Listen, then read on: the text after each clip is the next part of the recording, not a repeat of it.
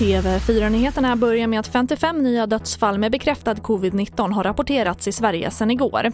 Och därmed har totalt 6 555 smittade avlidit i landet enligt Folkhälsomyndigheten. Och nästa år kan Sverige börja massvaccinera befolkningen mot covid-19, det rapporterar SVT. Och regionerna planerar nu för att vaccinera personer i deras hem. Folkhälsomyndighetens Johan Carlsson sa på en pressträff igår att vi inte är beroende av praktiserande läkare utan att vi har sköterskor som har kunskapen. Och sen till Berlin där en bil med politiska budskap kört in i grinden till förbundskansler Angela Merkels kontorsbyggnad tidigare idag.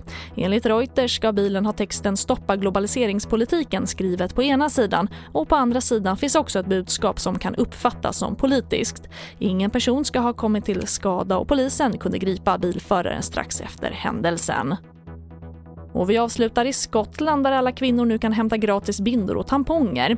Och det här är man först i världen med att erbjuda. Satsningen beräknas kosta skattebetalarna 24 miljoner pund motsvarande närmare en kvarts miljard svenska kronor om året. TV4-nyheterna, jag heter Charlotte Hemgren.